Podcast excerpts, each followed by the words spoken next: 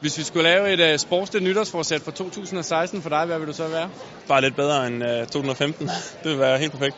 Et sportsligt nytårsforsæt. Det er altid realistisk at blive bedre. Altså, øh, hvor meget bedre, det er svært at sige, men øh, vi må se, om ikke det kan lade sig gøre. Uh, spis mindre pizza. Jeg håber da helt klart, at vi kommer med til OL, og så ser om vi kan gøre en god figur der. Det er det primære mål, tror jeg. Vi går ja. efter at være de bedste ja. til det, vi laver. Og i hvert fald holde os i finalerne. Det kunne være rigtig fint, især i sådan et hårdt år, som OL'et så helt sikkert bliver. Hvad er dit sportslige nytårsforsæt for 2016? Og være mere glad og nyde nuet. Det er seriøst mit sportslige nytårsforsæt. Det er lige så meget personligt, men jeg synes, det, har, det hænger sammen. Så det hele PT handler jo om OL for mig. Og det er det, som, øh, som jeg har mål. Så nærmest alt, hvad jeg laver, også mit nytårsforsæt, er jo rettet mod øh, et succesfuldt OL. Hvordan med, bliver et OL i Rio så? OL i Rio, det bliver farverigt. Det bliver rigtig sjovt, og jeg glæder mig til at få noget sol.